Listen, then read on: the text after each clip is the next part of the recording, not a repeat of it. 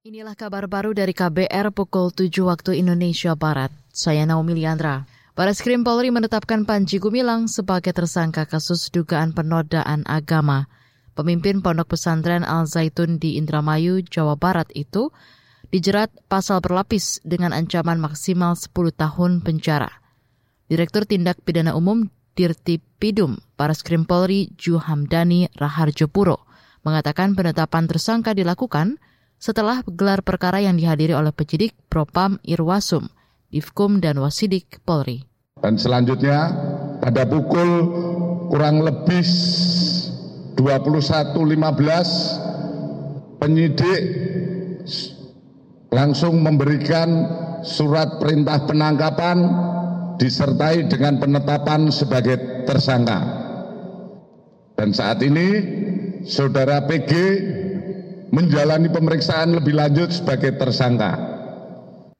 Dirti Pidum Baris Krim Polri Juhamdani Raharjo mengatakan penyidik masih mempunyai 1 kali 24 jam untuk melakukan penahanan sebagai tersangka.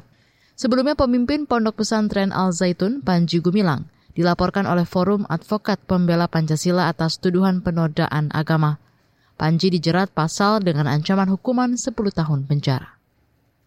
Komisi Pemberantasan Korupsi KPK akan melayangkan kasasi usai Majelis Hakim Pengadilan Tindak Pidana Korupsi Tipikor Bandung kemarin memfonis bebas Hakim Agung Nonaktif Gazal Basaleh. Jaksa Penuntut Umum JPU KPK Arif Rahman mengatakan Majelis Hakim menilai tuntutan yang diajukan kepada terdakwa suap penanganan perkara di Mahkamah Agung itu tidak memiliki cukup bukti kuat.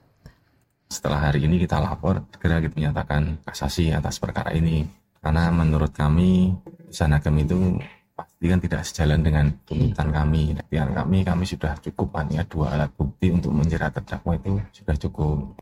Jaksa penuntut umum JPU KPK Arif Rahman mengatakan kasasi akan dilayangkan sesegera mungkin. Sebelumnya jaksa menuntut Hakim Agung Nonaktif Gazal Basaleh dengan hukuman penjara selama 11 tahun dan denda 1 miliar rupiah. Gazalba dinilai telah terbukti menerima suap menyangkut perkara kasasi koperasi simpan pinjam inti dana dengan terdakwa Herianto Tanaka dan Ivan Dwi Kusuma.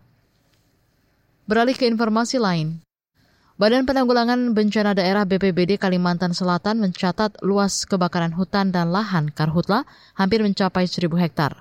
Berdasarkan data Pusat Pengendalian Operasi Penanganan Bencana Kalsal, hingga semalam tercatat lebih 3.200 titik api tersebar di 13 kabupaten dan kota. Dikutip dari antara Kepala Pelaksana BPBD Kalsel, Raden Surya Fadiliansyah, mengatakan karhutla terbanyak berada di kota Banjarbaru dengan luas mencapai 445 hektar dan sebanyak 102 titik api. Hingga pekan pertama Agustus 2023, seluruh kabupaten dan kota di Kalsel telah dilanda karhutla dengan catatan luas hutan terbakar sekitar 87 hektar dan luas lahan terbakar kurang lebih 907 hektar. Demikian kabar baru saya Naomi Liandra.